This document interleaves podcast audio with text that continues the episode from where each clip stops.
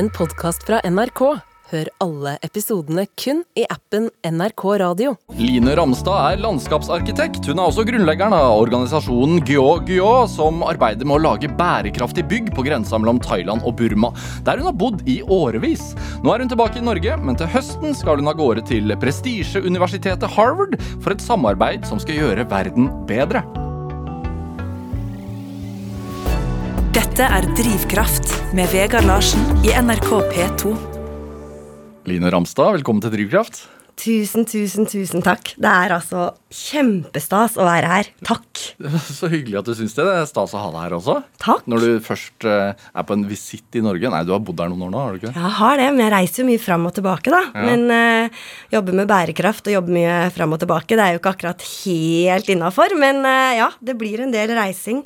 Men nå er Norge hjem, ja. Ja. Er det-. Var det pandemien som fikk deg tilbake? Nei, du, det er en lang historie hva som fikk meg tilbake. Den tror jeg vi må ta litt utpå her, for den må vi varme opp til. det var faktisk det norske byråkratiet som fikk meg tilbake, og eh, diverse. Men eh, ja, eh, pandemien gjorde vel kanskje at organisasjonen ble enda bedre etablert med meg i Norge, og gjør nok at jeg kan lage litt mer min egen karrierevei ved siden av organisasjonen. Og fortelle mer om hva vi har gjort, og hva vi gjør, som faktisk fungerer. Ja. Og ja. Når man har vært så eh, Bodd i utlandet såpass lenge som du har gjort, mm. eh, og også i områder hvor eh, det har vært krig, og, og, og, og demokratiet kanskje ikke er så velfungerende. Eh, og det er 17. mai i morgen. Ja. Så jeg må, må stille det opplagte spørsmålet. Får man et annet forhold til den dagen da? Absolutt. Ja.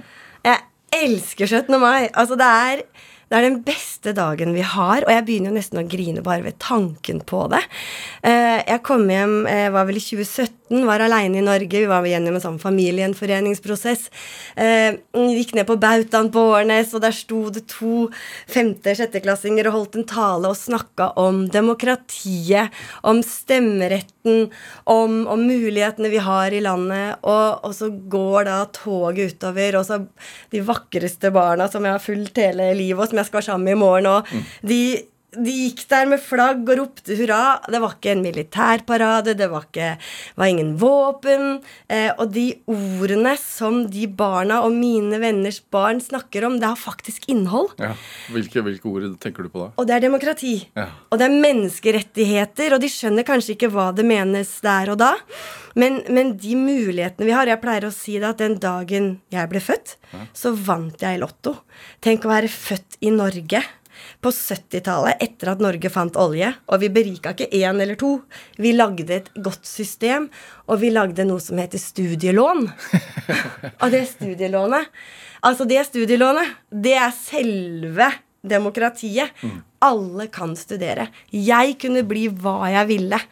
Eh, altså, Jeg har jo kanskje litt begrensninger da, sånn i kapasiteten, men hadde jeg vært kjempesmart, da, kunne jeg bli hva jeg ville. Og vi har et rødt pass, og det kommer vi rundt omkring i verden med. Når jeg reiser med det røde passet, det norske passet, så trenger ikke jeg å gå på et lite rom ved siden av oss veldig ofte, altså. Når mine venner med helt andre pass, med burmesiske pass, skal ut i landet, nå får de ikke lov, nå får de bare avslag. Det blir stoppa i enhver sammenheng. Så nei, 17. mai, jeg griner, og jeg griner, og jeg griner. Og takk til eh, Jenny og Marie og Fanny, som jeg er sammen med hver 17. mai, som finner seg reservetanta, som er litt sånn hulkende, altså. Mm, Har, det, har eh, synet ditt på, den dagen forandret seg eh, av de årene du har vært borte? Absolutt. Ja. Jeg tenkte ikke på det så mye før. Vel, det vil si jeg har jeg vokste opp med besteforeldre som var veldig opptatt av dette. Og som hadde et veldig stort verdenssyn, og som var veldig opptatt av å invitere folk inn, og var veldig rause. Um, så jeg lærte nok mye om det. En bestefar som var motstandsmann under krigen, de første krigsdagene. Som ble kasta ut i det som en bonde som bare måtte forsvare landet. Og som ikke snakket om det før han ble gammel. Vi visste han hadde mareritt. Men vi visste ikke helt hva det var. Vi visste at det kanskje var én person som var blitt skutt. Og rett før han døde, så begynte han å fortelle om dette. Han var på radio, han var overalt og snakket om, om krigen. Og han, og han tok med alle barnebarna oppover langs opp til Segalstad bru og fortalte alt. Hvorfor tror du det satt så langt inne? Selvfølgelig. Han, altså, morfaren min skøyt med mitraljøse. Ja. Og da han da begynte Min morfar, gartneren, som var så raus Og når han begynte å fortelle om Og han falt der, og så falt, han der. Og så snakka han også om alle de redda som hadde blitt skutt, men som overlevde, og som de drakk gjennom. Det var tyskere eller nordmenn. Og hans konklusjon, da, og hans som han sendte med oss og innmari, var at hvis jeg hører noen av dere si ett vondt ord om en tysker, så vil jeg aldri tilgi det. Eller han ville vel sikkert tilgitt oss, men han ville veilede oss kraftig. Dette handler ikke om det. Dette er politikk. Dette er mennesker som er satt i en situasjon som ikke angår Altså som ikke er deres skyld. Vi må være rause, vi må være tolerante, vi må se mennesket bak. Vi må gi folk en sjanse. Vi kan ikke lage disse murene og legge hat da, mm. som en sånn første greie når vi møter noen, bare fordi noen er født et sted. Og jeg tenker at 17. mai Herre min hatt, det er jo liksom ja, nei, nå begynner jeg nesten å grine med å tenke på det. jeg syns det er så fint. Mm. Hvordan, ja. uh, hvordan, har barna uh, det i, i, Burma, i den landsbyen der du har jobba? De har det ikke på samme viset. De vant ikke Lotto. Vel, det gjorde de kanskje på sett og vis. Um, fordi landsbyen jeg bor i, den har faktisk en skole. Um, og um, familien jeg bor sammen med, som også er min familie, eh, de har jo da mulighet til å sende barna på skole, og de har en viss form for ID-papirer. Men de aller fleste barna som vokser opp i grenseområdet mellom Thailand og Burma, og dette er Karen-området, en av de største minoritetene i Burma Hvor mange er det? Fem millioner eller noe sånt? Ja, det er nesten ingen som vet, da. For det folketellinger er jo Altså, her lever de ganske skjult inn i jungelen, og de lever fra hånd til munn. Mm. Men de har ingen papirer, og de, de finnes på mange måter ikke. Men de overlever, for det er et veldig frodig område. Ja. ikke sant? Og man lever i små lokalsamfunn. Så man er jo helt avhengig av naboen. Eh, og helt avhengig av hvilken familie man er født inn i, og helt avhengig av ja, omstendighetene, da. Og det er kun de aller smarteste barna som blir satsa på til å sendt på skole. Ja. Og du må være utrolig sterk som foreldre hvis du skal se at uten egen utdannelse og se at Vet du hva, hvis jeg nå er, nå er, det ikke mer ris på bordet. Nå er det ikke mer grønnsaker her. Jeg har fem barn. Hvis alle de går ut og jobber, så har vi, har vi mat en uke. Mm. Hvis du da skal klare å tenke at ja, men hvis jeg sender da en person på skole i si åtte år, da, så vil det bli mer mat om åtte år da skal du være ganske Det ligger ikke i oss så veldig naturlig, altså. Nei. Da skal du mm, være sterk. Ja. Så vårt mål med det arbeidet vi gjør, er jo ikke det at folk skal få universitetsutdannelse. Men det er at skolene i de små landsbyene, bitte små landsbyer som ligger spredt opp i fjellområdene, nesten uten veier, kan være bare 25 hus, de har ofte en liten skole. Mm. Og den lille skolen den må løftes, da. Den må ikke vi synes den skal løftes, og det er veldig lurt å løfte den skolen. For da får lærerne litt mer diskuss sagt, og det er litt større sjanse for at foreldrene sender barna på skolen mm. i stedet for ut i skogen for å hente mat, da. Eh, og hvis litt flere barn kan lese og skrive, så er jo det enormt. altså Da har du mye mindre sjanse for å bli utnytta. Mm. For utnyttelsen av de menneskene her er kjempestor. altså Turistindustrien i Thailand, altså eh, byggebransjen, ikke sant. Du har ja, prostitusjon. Du har ganske mange barn blir sendt av gårde um, og har ingen rettigheter, og vet ikke om de rettighetene de har heller. Mm. Så det er å vokse opp der er veldig mye tøffere. Eh, fordi at du er mye mer sårbar. Men det er også veldig mye finere på mange måter. Fordi man sier jo at det tar en landsby Eller hva sier jeg? Det tar en landsby å Oppdra et barn. Oppdra et barn, ja, ikke sant? Um, og det gjør det jo her. Sånn at uh, den derre um, sosiale friksjonen, mm. kan man kalle det, mm. den er så stor. Du er helt avhengig av hverandre. Så sånne ting som ensomhet, f.eks., det finnes ikke. det er aldri ensomt. Men, men organisasjonen uh, GYO, GYO, sier jeg det riktig? Mm -hmm. ja. Oi, jeg roper høyt ut her. Det, det, betyr noe sånn som ett skritt av gangen? Ja, sakte. Ja. Og ett skritt av gangen. Hvorfor, hvorfor, vil, hvorfor, er det et godt navn? Ja, så fint spørsmål. Du, da jeg kom eh, så jeg skulle mm, Jeg, jo, jeg kom jo dit eh, litt gjennom et midlertidig arkitektprosjekt, og så ble jeg jo værende, og de som er dagsarbeiderne på det prosjektet, ble mine kollegaer. Og når jeg da valgte å bli, så måtte jeg jo da organisere dette på en ordentlig måte. Og så dro jeg, var jeg i Norge på sommeren og måtte fylle inn skjema. Og så måtte jeg ha et navn. Og hadde ikke jeg tenkt på at jeg måtte ha et navn. Og det ordet alle sier til meg aller mest, det er goyo, goyo, nigomui, goyo, goyo. Og nigomui, det er Karen-navnet mitt. Det betyr smilefjes. og goyo, goyo, det betyr ta det med ro, ikke sant. Sakte. Vi tar dette steg for steg. Vi trenger ikke løse alt på en gang. Og sånn kom det navnet til, og det er et fantastisk navn vi er glad i. Dette er Drivkraft med Vegard Larsen i NRK P2. Og i dag er eh, landskapsarkitekt eh, Line Ramstad her hos meg i Drivkraft på NRK P2. En landskapsarkitekt, hva er det eh, i, motsetning til en vanlig si, arkitekt som bygger hus? Ja, skal vi se, nå er jeg kanskje litt feil person til å svare på det. jeg vet jo at Rainer Stange her, som jo er en landskapsarkitekt med liksom jordets rette forstand Jeg har jo tatt en litt mer sånn broket vei. Mm. altså Sånn, jeg, for meg så handler arkitektur om arkitektur. Og så, så er vel en landskapsarkitekt litt mer det store bildet og det er utenfor huset. Arkitekten bygget og interiørarkitekt inni. Men alt i alt så er det jo en sammenblanding av å formgi Mm. eh, og gjøre valg for de bygde omgivelsene våre. Og for min del så studerte jeg også geografi og antropologi og miljøfag før jeg begynte på landskapsarkitekt. Hvorfor var det et naturlig steg derfra? Altså fordi Når du sier miljøfag, geografi og antropologi, så er det sånn å forstå samfunnet, forstå Ja. mennesket. Ja. Eh, hvorfor vi gjør som vi gjør, på en måte. Men hva, hvorfor er arkitekturen, eller landskapsarkitektur en viktig Viktig fortsettelse? fortsettelse. Ja. Jeg tror jeg var på et tidspunkt hvor jeg skulle begynne på master. Jeg er veldig glad i å jeg, synes, jeg er ikke noen veldig god student, men jeg er veldig sosialt anlagt. Og så hadde et så fint miljø der, så Hvor, hvor i landet er vi da? vi var, Da var vi i Trondheim, Ja. på NTNU. Det heter vel AVH. Veldig fantastisk tid, så jeg var veldig, hadde veldig lyst på å fortsette med den gjengen inn på masteren, men så innså jeg at her blir det mye papirarbeid. Altså, så jeg hadde lyst på, når vi gjorde analysene frem til hva skaper et godt sted, så vil jeg ja, men da må vi begynne å lage det gode stedet, da. Hva skaper et godt sted? Ja, å, hvis du kan svare på det, da kan du få Nobelprisen i det meste, altså. Men det er et skikkelig godt spørsmål. Og jeg, for meg, hva som skaper et godt sted for meg, det handler om å skape et sted der folk trives. Og der vi kan møtes. Og så er jeg jo utrolig opptatt Jeg vet at det ordet er sånn man diskuterer mye, men jeg syns det er dust vi diskuterer begrepet så mye. For bærekraft Gro Harlem Brundtlands bærekraft. Skap en fremtid som gjør at neste generasjon kan leve like bra som oss. Ikke sant? Hvis vi skaper et bærekraftig samfunn, da, da kan både miljøet og menneskene og økonomien leve hånd i hånd. Det tenker jeg. Og da må folk inkluderes. Og vi må ikke fordele oppgavene så kraftig. Vi må snakke med hverandre. Vi må involveres i mye større grad. Men Var det dette på studiet at dere reiste til Nei. i første gang Thailand? Eller? Nei, jeg jobba, i, jobba på et hyggelig arkitektkontor, kjempebra arkitektkontor i Trondheim, som heter Agraf. Ja. Og så var det en lørdag kveld. Så ringte en arkitekt som heter Siri, som jeg hadde jobbet sammen med på et prosjekt.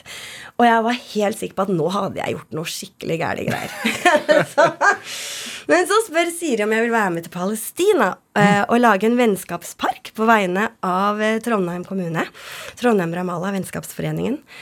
Og så endte jeg i Palestina da, sammen med to fantastiske sykepleiere som heter Wenche og Anna, og en utrolig musiker som heter Marte Valle, som er uh, helt nydelig. Og Wenche og Anna Det var først, det var to turer, da. Med tur nummer to så sier Wenche og Anna at Marte, Line, nå, nå skal vi lære dere dette. Nå kan dere Dette takler dere. Så de de ga oss på en måte en sånn hands on opplæring the hard way og tok oss med da gjennom checkpointer. Vi var vitner, vi var Og jeg ja, endte med å lage en, tegne ut en park som nå er bygget, og presentere dette for kommunestyret i Ramallah. Og det var kjempetøft. Det var veld, altså den reisa. Men jeg innså at jeg som har da gått under kallenavnet Nasse Nøff i mange år, for jeg er redd for alt, jeg takla faktisk den situasjonen. Å stå der på checkpoint og få historiene fra lærerne som går fra Palestina til Palestina på jobb. Og må gjennom denne checkpointen for å kunne brødfø familien og gjøre jobben sin. Få de historiene, barna som sendes over hodet vårt. Det var sånn smash altså det, Den opplevelsen glemmer jeg aldri, men den støtten fra Wenche og Anna, den forståelsen, og det at man kan gjøre en forskjell, men man kan også gjøre enormt stor skade, som utenifra. Hvordan da? De, hvordan man kan gjøre skade. Og det har jeg sett senere i livet. For så kom jeg jo da til, til Nobo. Og vi starta et prosjekt, et midlertidig arkitektprosjekt. og Vi var veldig enige om hvordan vi skulle gjøre det før vi dro, og veldig uenige når vi kom dit. Eh, og så ble jeg veldig obs på hvordan hjelpearbeid gjerne gjøres. Og veldig mye av det hjelpearbeidet som gjøres, det gjøres med en så ovenfra ned holdning. Altså hvis vi ser på storskala, at det skal være så stort. Og det fins ikke mottakere som er så store. Folk lever på små premisser. Folk lever fra hånd til munn. De lokale de lokale miljøene er så utrolig viktige for folks overlevelse. Er det, er det å lage en uh, park, sånn som dere gjorde i Palestina, er, hvorfor er det å bidra? Ikke sant? Veldig godt spørsmål, for egentlig er det jo ikke det. Men det handler om å se folk og snakke med folk og samarbeide. For det jeg likte så innmari godt med det prosjektet, og som har forma meg da, for mye, er den lærdommen som Wenche og Anna, da, og disse to sykepleierne som hadde jobbet der i mange år, ga meg. Og det var det at du skal ikke komme her og hjelpe noe som helst. Altså, du kan hjelpe meg hvis jeg tryner på bakken og jeg må trenger en hånd, men vi skal samarbeide. Vi må se hverandre, og når vi samarbeider, så er vi både vitner til hverandres liv. Vi lærer av hverandre. Og det var jo jeg som Det var jo de som hjalp meg å skjønne ting. Det var jo ikke jeg som gjorde noe for dem. Men det at verden kan kanskje ha godt av litt mer den mer respektfulle og nysgjerrig samarbeid, og ikke fullt så mye hjelpeaspekt. Mm, men, men sånn, da dere kom til Palestina og, og hadde da fått i oppdrag å lage en park, hvordan så det ut der? Hva var det der fra før? Det var bare en, det var en park allerede, Ja. så, vi, så, så det, vi gjorde ikke så veldig mye. Nei. Vi la ut heller og lagde en scene. Eh, men det var jo veien dit som skapte, sam- som skapte resultatet. Og nå er det en park hvor det er kunstnere fra hele verden, Friendship Garden heter det, som plasserer da ut skulpturer eh, som er de, de andre vennskapskommunene til Ramallah, får sette skulpturer der, da. Så jeg fikk et fint, fint bilde av Marte, hun hadde vært der for noen år siden. Så jeg har ikke vært der selv eh, siden, men, men, men det var en øyeåpner. Og så tenker jeg at det høres så um, banalt ut, men vi er så opptatt av at det vi skal gjøre, skal være så stort og så mye. Men da jo, da står man jo i fare for å gjøre veldig mye mer skade. Så jeg tenker at det trenger ikke være så mye. Altså Noen av de viktigste prosjektene vi gjør med Koyo, det er å bygge doer. Eh, og det er jo utrolig viktig. Eh, og de doene, de er jo helt basic doer, liksom. Men folk trenger gode toaletter, og, og det at folk kan være med å bygge selv, ikke sant, eh, og skape en infrastruktur for landsbyen som gjør at du får bare bitte litt bedre livskvalitet, da. Og så blir det mindre sykdom av det. og Godt poeng, for det er noe med å velge de kampene man skal ta. Som arkitekt så tenker jeg at vi er litt for opptatt av at det skal være så innmari fancy og designa og Men altså Er det viktig? Er det veldig viktig når du jobber inne i jungelen, at den skolen ser veldig kul ut? Det er viktig at det er godt inneklima. Mm. at vi, så vi jobber med klima og med landskapet. Så vi bruker veldig lite tid på å flate ut områder og, og kutte trær. Vi, vi bygger sånn at nord, nordvendt hos oss, for der er det varmt, der er det større vinduer. Så kommer lyset inn. Sørvendt, små vinduer, for da sola varmer jo veldig, veldig, veldig. Em, og så må vi ha gjennomluftning, ikke sant. Eh, og så må vi følge landskapet, så vannet renner rundt. Vi må ha gode materialer som folk kan vedlikeholde. Viktig. Og så kan vi jobbe hardt for at de skal vaske hendene før de spiser, og, si, og drive med opplæring av det underveis. Vi kan jobbe med at lærerne skal få undervisning underveis i prosessen, som vi jobber sammen med landsbyene. Vi har med oss en lærer. Og ikke minst kan vi få fokus på plastikksøppel. Ikke sant? Men vi trenger ikke å lage et kjempefancy hus som ser veldig kult ut på et bilde. Det viktigste er hvordan det huset ser ut om ti år, At det og hvordan det fungerer. Ja. Er det, men, men, fra Palestina, hvorfor, hva var det som tok deg til altså for Du reiste først til Thailand. Ja, og vi bor Jeg sover på thailandsk side. Ja. Lands, tenk deg at um, Men Var det et, prosjekt som fikk deg dit? Eller? ja, Vi starta det sammen med to arkitektstudenter. Ja. Hva var det for noe? Ja, det, Vi kalte det Tyen barnehjem. Og så dro vi av gårde og møtte en hyggelig fyr som heter Ole Jørgen, som driver et barnehjem i landsbyen Nobo. Ja. Og så fikk jeg fri fra jobb. Eh, Et års permisjon, og de fikk det som en del av, av utdanninga. Hvorfor var det så viktig for deg? Så, altså, du, du tenkte ja, dette må jeg bare gjøre. Nå nå må jeg ta permisjon et år for å få gjort dette her. Det var vel bare helt naturlig. For etter Palestina så var det liksom en sånn derre greie i meg som, som, var vekt, som var litt sånn derre Jeg er ikke religiøs, altså, i det hele tatt, men jeg bare Den nysgjerrigheten og det Jeg var så nysgjerrig på andre steder og um, Hvor gammel var du? Ja, si det. Hvor gammel var jeg? Jeg var jo gammel.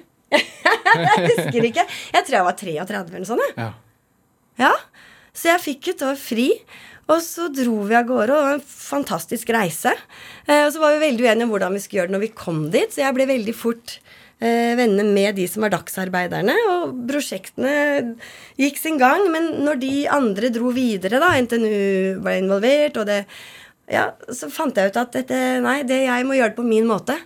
Um, så fra januar 2009 så da dro de videre, og da starta vi Koyo Koyo. Og da hadde vi ikke noe midler eller noen ting. Du bestemte deg for å bli værende? den, den der bestemmelsen Jeg bare ble altså jeg, jeg, har ikke, jeg, jeg hadde det så fint. Jeg hadde det så innmari fint. Ja. Og det var noe med vennskapet. Humoren. Altså Det handler ikke om at man bare skal dra et sted og være et sted for å være der, men her var det et sted jeg følte meg hjemme. Og jeg følte meg mm, likeverdig på mange måter, og jeg følte meg inkludert. Eh, og tatt vare på på en god måte, og følte at jeg kunne bidra. da. Men Du sa at du hadde en følelse av at du måtte gjøre ting på din måte. Hva er det? Jeg tror det handler om at vi setter menneske Ja, bærekraft, da. at vi må ikke jobbe så fort. Vi må ikke være så opptatt av, av at det skal bli et godt resultat som ser bra ut, på en måte. Vi må, her må vi bruke prosessen så godt det lar seg gjøre. For å inkludere så mange som mulig, og den prosessen kan ta tid.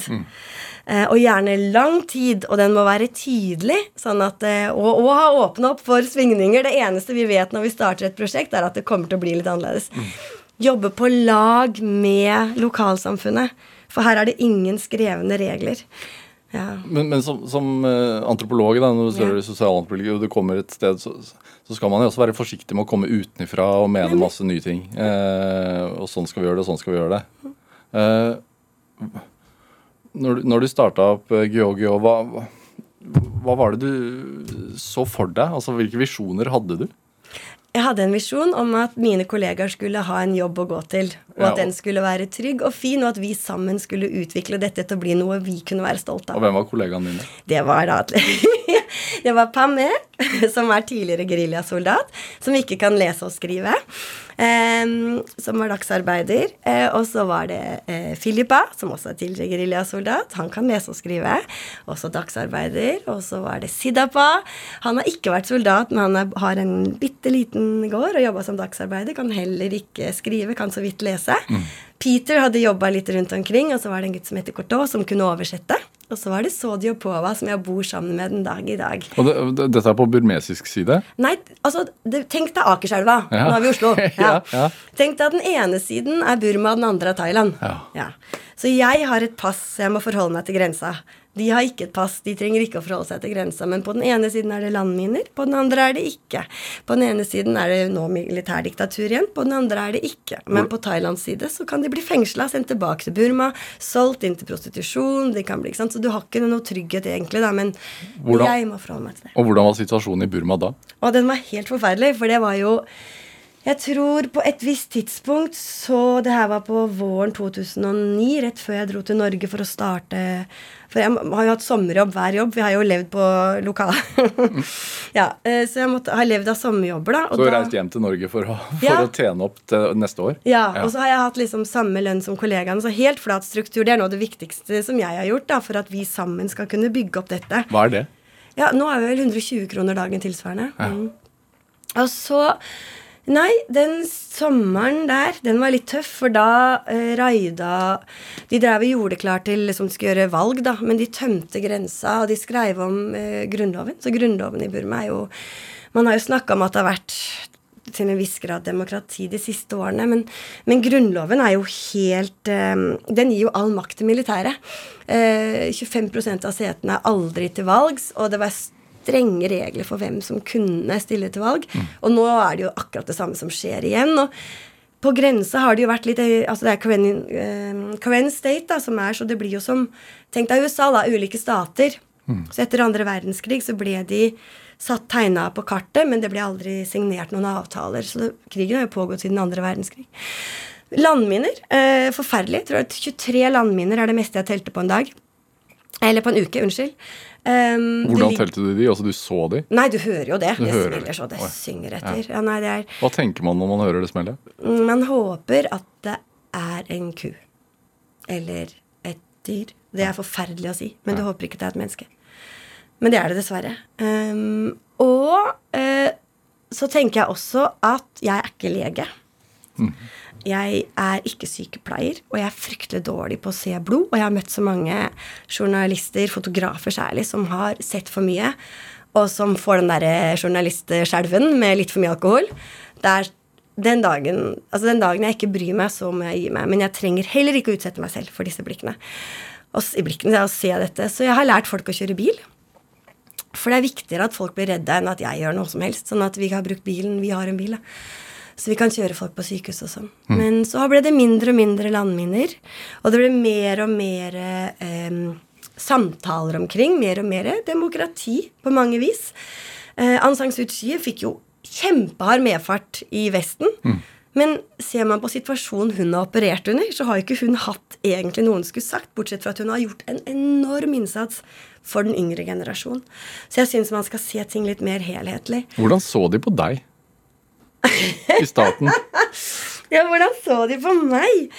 Jeg tror grunnen til at jeg har blitt værende der og har blitt eh, så inkludert som jeg har blitt, er vel at de så på meg som en hvit karener. Fordi det er veldig mange likheter mellom landsbygda i Norge og, og karenkultur. Ga- Altså den, de historiene mine besteforeldre fortalte, og det liv som leves der. Hva er, for, hva er likhetene? Ja, altså Man lever veldig sånn i samhold, veldig i storfamilier. Og, man, og så er det jo humoren. da, så Vi har liksom Sodi Pova, da, som jeg bor sammen med. Og Pova er jo vår fantastiske leder. Hun var jo da 19 år og ble gravid. altså Seksualundervisningen der er ikke så veldig god. Eh, og da må man jo gifte seg i det, altså det samfunnet, og da må man starte familie. Og mennene flytter hjem til, eh, hjem til konas familie, da Altså, det er matriarkalsk? ganske så matriarkalsk. Så, så jeg ble jo da inkludert inn, for da flytta jo da hennes mor inn, og en, hennes, en av hennes eh, elleve søsken. og to nevøer fra to andre søsken. Og det var eh, to hunder, en katt og ja, og liksom, ja. Og meg, da. Så folk ser vel på meg, jeg vet ikke det, på et gitt tidspunkt, fordi som hvit person så blir man synlig, og historien går oss jo ikke så veldig Vi hm, Ja, man blir jo både lokalt og andre sett på som litt høyerestående, og jeg syns det er helt jævlig. Så jeg har blitt veldig Jeg har lagt meg paddeflat, og Pova og teamet mitt har hjulpet meg veldig til å gjøre at jeg har fått en posisjon som ikke blir sett på. Og jeg syns det beste eksempelet var en dag som eh, i, I familien vår, da. Så jeg er ikke god til å lage mat. Og jeg kan ikke, jeg kan ikke slakte. Jeg hadde jo aldri overlevd jungelen. Altså, jeg kan ikke, jeg kan ikke ta Nei. Og de hønene, og så begynne å kutte over Nei, nei, nei. nei, nei. Men jeg er jo ikke vegetarianer. Og, ikke sant? Så vi fordeler arbeidsoppgavene. Eh, og jeg vasker klær, jeg og det gjør vi jo for hånd. Om å hente vann og vaske på. Så det, og da kom det en nabo bort til Po- Pova, og så sier hun Du kan ikke behandle Nigomui sånn. Hun er hvit. og så sier Pova, da har hun Ja, for du er en nigomi. ja, smilefjes. Nigomi. Ja, du kan ikke behandle nigomi sånn. Og så sier Pova, og det er jo Pova i et nøtteskall, da, så sier hun Vet du hva, du skulle fått deg en hvit tjenestejente, altså. Det er skikkelig bra. Du skulle se de er flinke til å vaske. Hvordan, men kan du språket? Ja, men jeg snakker jo så gebrokkent at hadde det vært motsatt Ja. Nå får jeg masse kred, men, men, men hadde det vært en karener i Norge som snakka så dårlig karen som jeg snakker, så ville de fått beskjed om å gå på norskkurs. Hvor lang tid tok det deg å lære det? Ehm, et sånn visst nivå, et par år. Eh, men vi har, jeg har så hyggelige kollegaer og venner, og vi bor jo sammen og jobber sammen og er så tett sammen, at de har tilpassa språket sitt like mye til meg som jeg har tilpassa til dem. Så, så vi har vårt eget språk. Når du sier at, eh, altså Line Ramstad, når du sier at eh, jeg kan ikke slakte, jeg kan ikke lage mat, men hva er det du kan da, som de, som de har bruk for? Å, så godt spørsmål. Dette må jo alle andre svare på. Jeg tror at mitt, mitt viktigste bidrag er å komme utenifra. Altså det er den antropologiske tilnærmingen. Én fot inni, én fot utenifra. Jeg kan tilby en måte å se ting på som er gjenkjennbar, og arkitektur er et kjempegodt verktøy å bygge sammen. Jeg kan, jeg kan foreslå og jeg kan lage et lite sosialdemokrati i jungelen. Men det kunne ikke jeg gjort hvis ikke mine kollegaer og jeg gjorde det sammen. Og det har tatt ti år, altså. Nå har vi mammaperm, pappaperm osv. Jeg kan bidra med penger. Og jeg kan bidra med penger som vi kan bruke. Og det er ikke bare meg, men det å være den brua Vi har noen fantastiske støttespillere. Altså Hent. Uten dem så hadde ikke Koyoko eksistert på den måten. Hva er Hent? Å, Hent er verdens beste selskap. Hent er en norsk entreprenør. Eh, og de har støtta oss siden 2010. Vi har også fått støtte fra Vestre på av. Veldig bra. Takk. Og Asplan Biak var med i ti år. Men Hent har vært med hele veien. Og det de har gjort, det er at de har gitt en utrolig viktig ting. De har gitt penger, men aller viktigst, de har gitt tid. Og de har gitt nysgjerrighet, altså de har vist interesse for det jeg, det jeg kommer og forteller. Og etter hvert Pova, som jeg har fått være med til Norge, og også styret, og Shah, som er en arkitekt som jobber sammen med oss, de har latt meg få komme inn i ledergruppa og fortelle om KYOKYO. For når man skal ha med penger tilbake til en krigssituasjon, så for vår del, om vi bygger i en landsby som heter Klemoki, eller Klepoklo, det betyr veldig mye. Vi vil ikke sette folk i fare. For Hent, om vi bygger i Klemoki eller Klepoklå, det betyr veldig mye. Men at vi bruker pengene på en måte som faktisk kommer til nytte, og hver eneste rubbel og bit av det, det er jo det som betyr noe. Og da må man ha tillit, og man må ha forståelse og gode avtaler. Og den måten de har stilt opp for oss på, og ledelsen der Og det er ikke noe sånn derre walk in the park. altså De tar det ikke for gitt. altså Her snakker vi en ledelse med, med kunnskap og kompetanse og god husk. Men jeg får ikke takka dem nok. For det. Hvis noen vil lære hvordan de skal være gode støttespillere, si etter Hent. Eh, Line Ramstad, vi skal spille litt musikk. Eh, og du har med en låt som jeg ikke har hørt før, og jeg vet ikke om jeg tør å prøve meg på tittelen engang. Eh, men hva er det vi skal høre? Du, vi skal høre en sang. Jeg kaller den Rosie. jeg. Ja. Det er en sang som eh, man blir veldig glad av. Og jeg vet jo at det programmet her handler mye om sånn eh, drivkraft og bakgrunn, men den sangen her, det er den sangen som vi hørte aller mest på når jeg møtte mannen min, Nick. Og da satt vi på verandaen på huset han bodde i jungelen der, og spilte Kollegaen vår Jobsen spilte gitar, og vi eh, eh, ja, drakk drikkevarer fra naboens risbrennevinsproduksjon i en plastikkpose. Så Rosie, du, det er, jeg oppdaget nå at det er en coverlåt fra eh, Rick sånn, Bon Jovi. Bon det var jeg, ja. ja. var jeg ikke klar over. Men eh, ja, du blir glad, og det er eh, Nicks eh, sang, altså. Fantastiske Nick. Så ja, vi la oss høre på den, og så danse litt.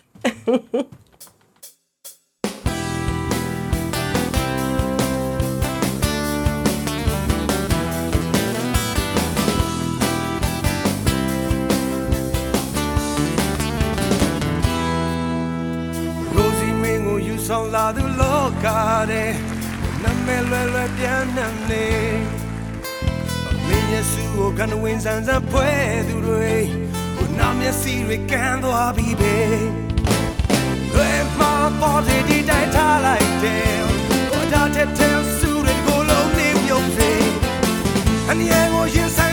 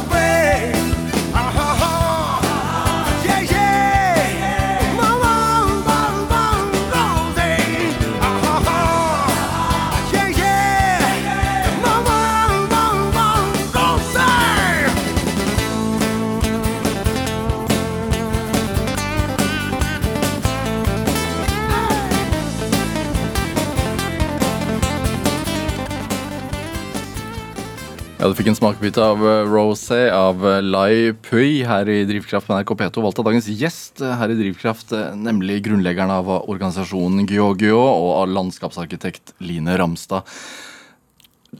Er det å, altså Når man velger å, å bli værende i jungelen i, i Burma i nesten ti år for å drive utviklingsarbeid, da, kan man spore det tilbake til liksom barndom og, og oppvekst og sånn, det engasjementet? Ja, det tror jeg jo ganske sikkert. Eh, På hvilken måte? Ja, det er et godt spørsmål. Jeg fortalte litt om besteforeldrene mine, og jeg har jo tenkt litt på det også. Eh, hva er det som gjorde at jeg valgte dette? Jeg har liksom aldri tenkt på at jeg har valgt det. Eh, det er det som er litt gøy, og jeg har aldri opplevd at familien min har syntes det har vært rart. Så det sier vel kanskje Men du, du nevnte at du er fra bygda. Hvor er du ja, fra? jeg er fra Nes på Romerike. Ja. jeg er altså en bygdefantast uten like, og jeg syns at bygda, altså eh, Og er Jeg har hele familien min i Nes. Um, Innavl, egentlig, sikkert. da Kanskje det Kanskje det er det som gjør det. Det er derfor jeg dro til jungelen, vet du.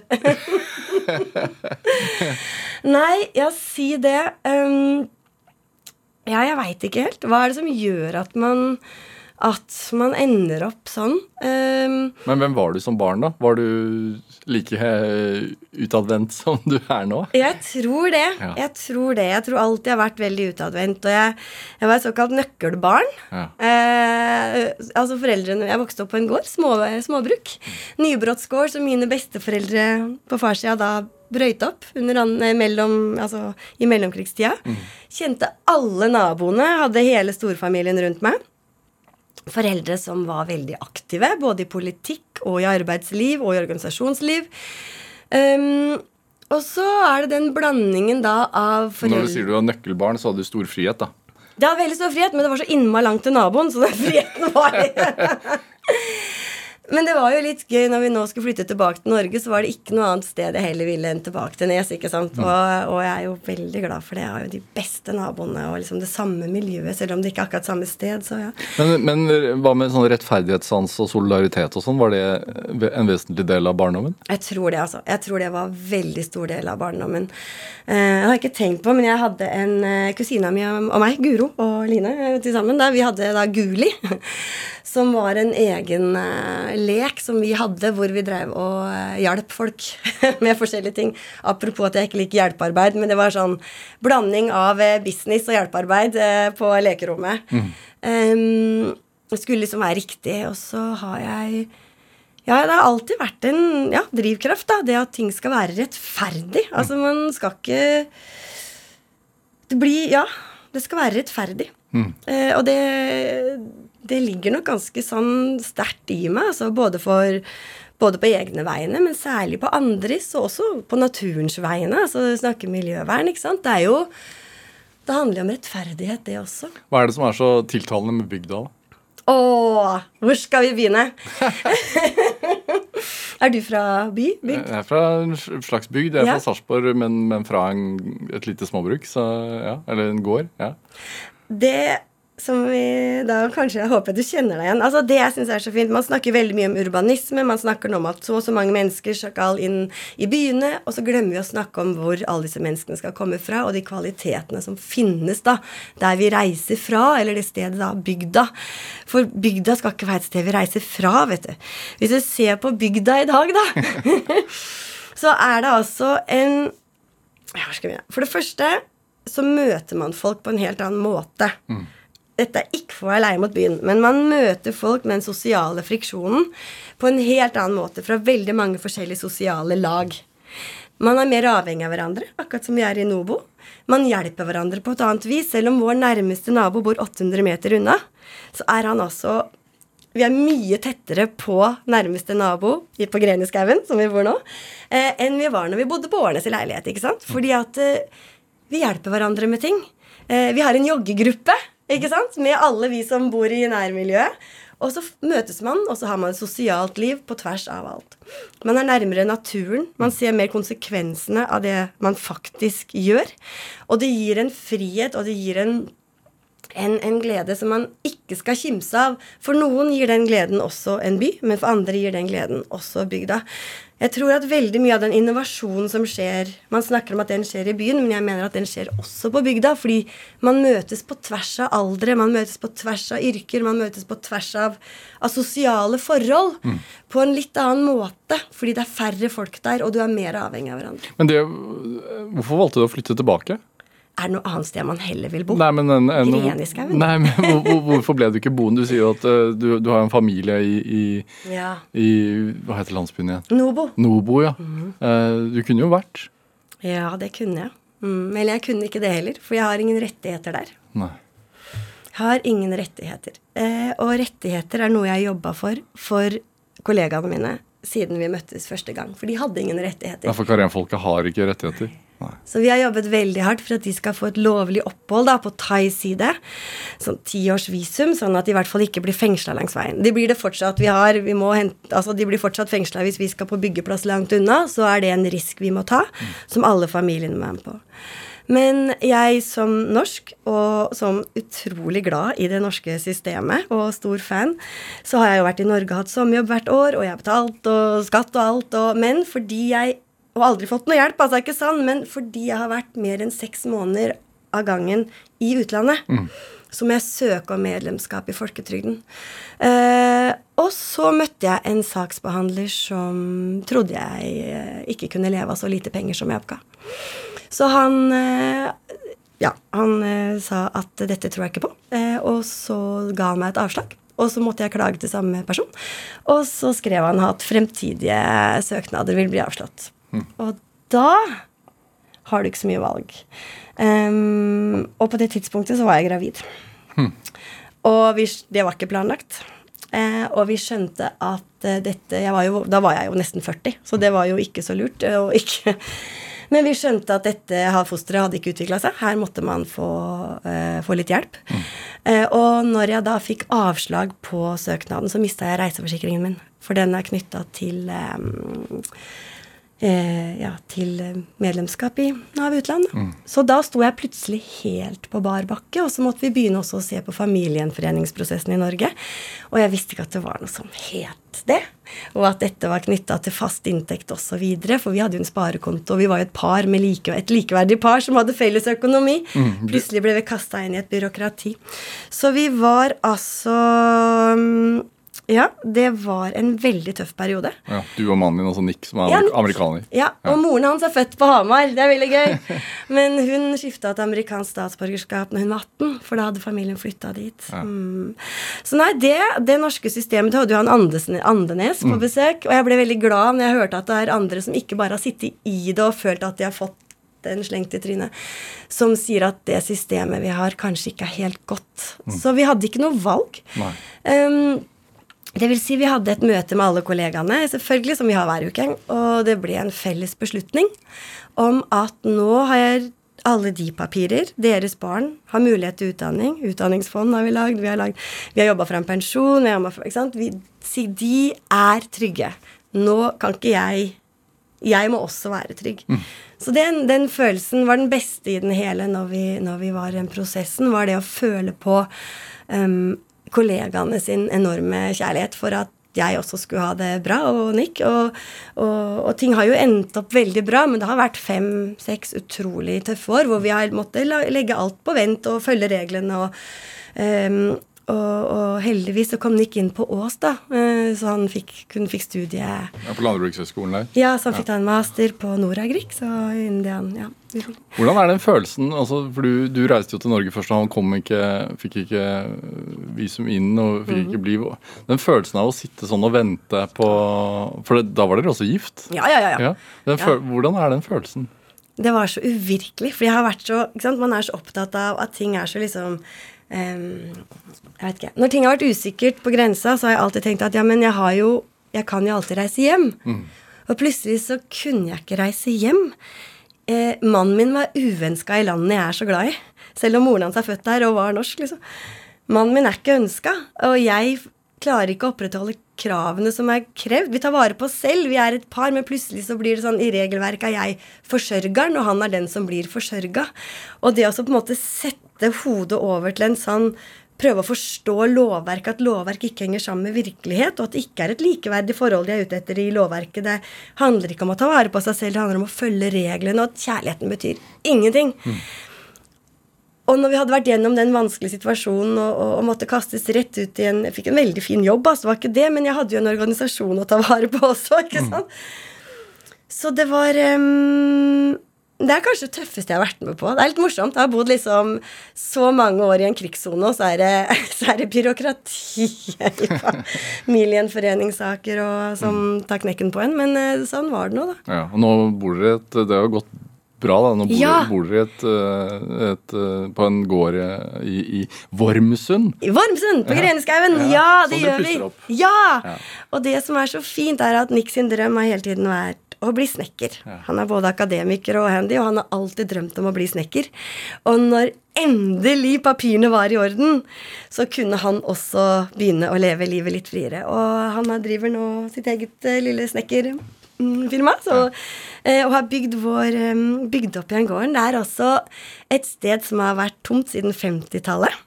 Og vi har brukt akkurat de samme prinsippene der som vi jobber etter i Novo og med kollegaene der. Ikke ultrafancy, men, eh, men, men, eh, men bru, brukende. Ja! Hvordan, hva, hva, hva mener du med at dere har brukt samme prinsipper? Altså, Har du et eksempel? Ja, veldig mange eksempler. En prosess fram til ferdig bruk. Vi er involvert. Vi er så heldige at vi har de beste naboene i hele verden. Og de er flinke. De er skikkelig flinke. Så vi har ikke gått ut på mitt anbud. Vi har spurt naboene, som er fantastiske håndverkere, og som har gitt oss utrolig mye gode råd. Um, og som har hjulpet oss også mye med design, faktisk. Altså den, De beste designgrepene vi har fått, har vi nok kanskje fått av Odd, som er rørlegger. Eh, og han kan det. Altså Han ser hva som fungerer, ikke sant. Uh, og Morten, som kjører lastebil, altså han har skikkelig peiling, altså både på, og på hus og på alt. Altså Du skal ikke kimse av gode håndverkere som ser mye, altså. Og den prosessen fram til å få kjøpe gården, altså Arvid som solgte til oss, det var ikke ute på det åpne markedet. Vi har både fått gården og en god venn som kommer og hogger ved hvert år. Han er 82 snart. Og så er det det med å bruke de materialene vi har der. Arvid hadde tatt ut ganske mye tømmer fra en liten ravinedal vi har. Og så har vi skøret det. Nå kommer dialekta. Nå har vi, så har vi skøret det på sagbruket oppe hos Hans Olaf. og så har vi brukt det. Og så har vi kjøpt eh, kledningen. Det kommer fra et sagbruk på Åland, oppe i Henstad, som er fem kilometer ene veien. Så det handler egentlig bare om å se folk rundt seg. Se folk rundt seg, Ja. se materialene du har tilgjengelig. Ja. Ikke tenke at fordi når vi snakker om bærekraft, da eh, De og igjen bygda. Når vi ser på eksempel, ja, Innlandet fylkeskommune de har gjort en, en veldig fin undersøkelse. nå, Jeg tror Asplan Viaksmen gjorde det på deres vegne. Hvor de tar for seg eksisterende hus versus nye såkalte bærekraftige hus. Og da er det sånn at de hadde 60 år som sin eh, Ja, hvor lang tid det tok før de Altså målingen, da. I løpet av 60 år så vil et nytt såkalt bærekraftig hus aldri med, altså, bli mer bærekraftig enn det eksisterende huset. Det beste du kan gjøre, er å ta vare på eksisterende hus. Pusse opp. Pusse opp på en god måte. Ja. Ikke tenk at du skal ha gipsplate, for det ser så fint ut, men hvilke kvaliteter er dette? Altså, det er så mye boligbygging som ser helt forferdelig ut på bygda òg. Man tilpasser landskapet til huset. Man setter 50 like hus på rad og rekke. Og altså identitet. Og så reklamerer man med at du er den første som, skrur, som setter en spiker i veggen. Det, det betyr jo ingenting. Poenget er hvordan ser den veggen ut om ti år? Ja. Hvordan ser den veggen, hvordan eldes det? Hvordan er det å leve i det huset? Det er, ikke, det, er en, det er ikke en bolig, det er et hjem. ikke sant? Vi skal være der, vi skal trives, skal eldes sammen med oss, og vi skal kunne bruke huset gjennom ulike livsfaser. Og bli kjent med naboene og ikke ha lyst på å gjemme oss inne. Og da tenker jeg at de gamle husene, materialene vi har tilgjengelig ikke sant? Bare det med å bruke trefiber i veggen i stedet for glava. Det er mye bedre for håndverkere å jobbe med det. ikke sant? Gammel takstein. Den er jo allerede elda vakkert, ikke sant? Ja. Men hvordan eh, Linn Ramsa, hvordan blir det å reise fra alt dette her for å dra til Boston? da? Det blir helt forferdelig. det blir helt grusomt. Men du du har, du har fått noe som heter uh, eh, Loeb Fellowship. Uh, som er uh, Altså, du skal være på Harvard i et år. Ja, hva, hva er dette her for noe? Nei, det er Ja, vet. Ja, vet du. Det er sånn nøy, det er en nøye ut, utvelgelsesprosess. Jepp. Ja. Det, det er jo helt sprøtt, altså. Nå sitter jeg her hos deg og til høsten drar jeg til Harvard, liksom. Jeg Ja. så ikke helt den komme. Men hva skjer der? Hva, hva, er, hva er det for noe? Ok, Det beste måten å forklare det på um, Tenk deg Willy Wonka. Uh, han sender ut ti gullbilletter. Jeg har ikke spist veldig mye Jeg har spist mye sjokolade. Jeg har ikke kjøpt så mange sjokoladeplater. Jeg har vært mange år i Ungarn. Men altså, du får en gullbillett til Harvard. Det er en mann som heter Loeb, som på 70-tallet en gang ga en sum penger til eh, eh, Graduate School of Design um, på Harvard. eh, og for å på en måte løfte fokus på, på, på god by, byutvikling, da. Altså på god tettstedsutvikling, god bygdeutvikling. Eh, hvordan det sosiale aspektet, altså community design altså, og community building det, det, det er veldig dumt å bruke det på engelsk, men det er det jeg jobba med. altså hvordan skal vi skape samhold, og hvordan kan de bygde omgivelsene eh, være med å påvirke dette? Og kanskje ikke så bra forklart, men altså mennesket og de bygde omgivelsene i samarbeid. da, Hvordan dette fungerer sammen med også miljøet.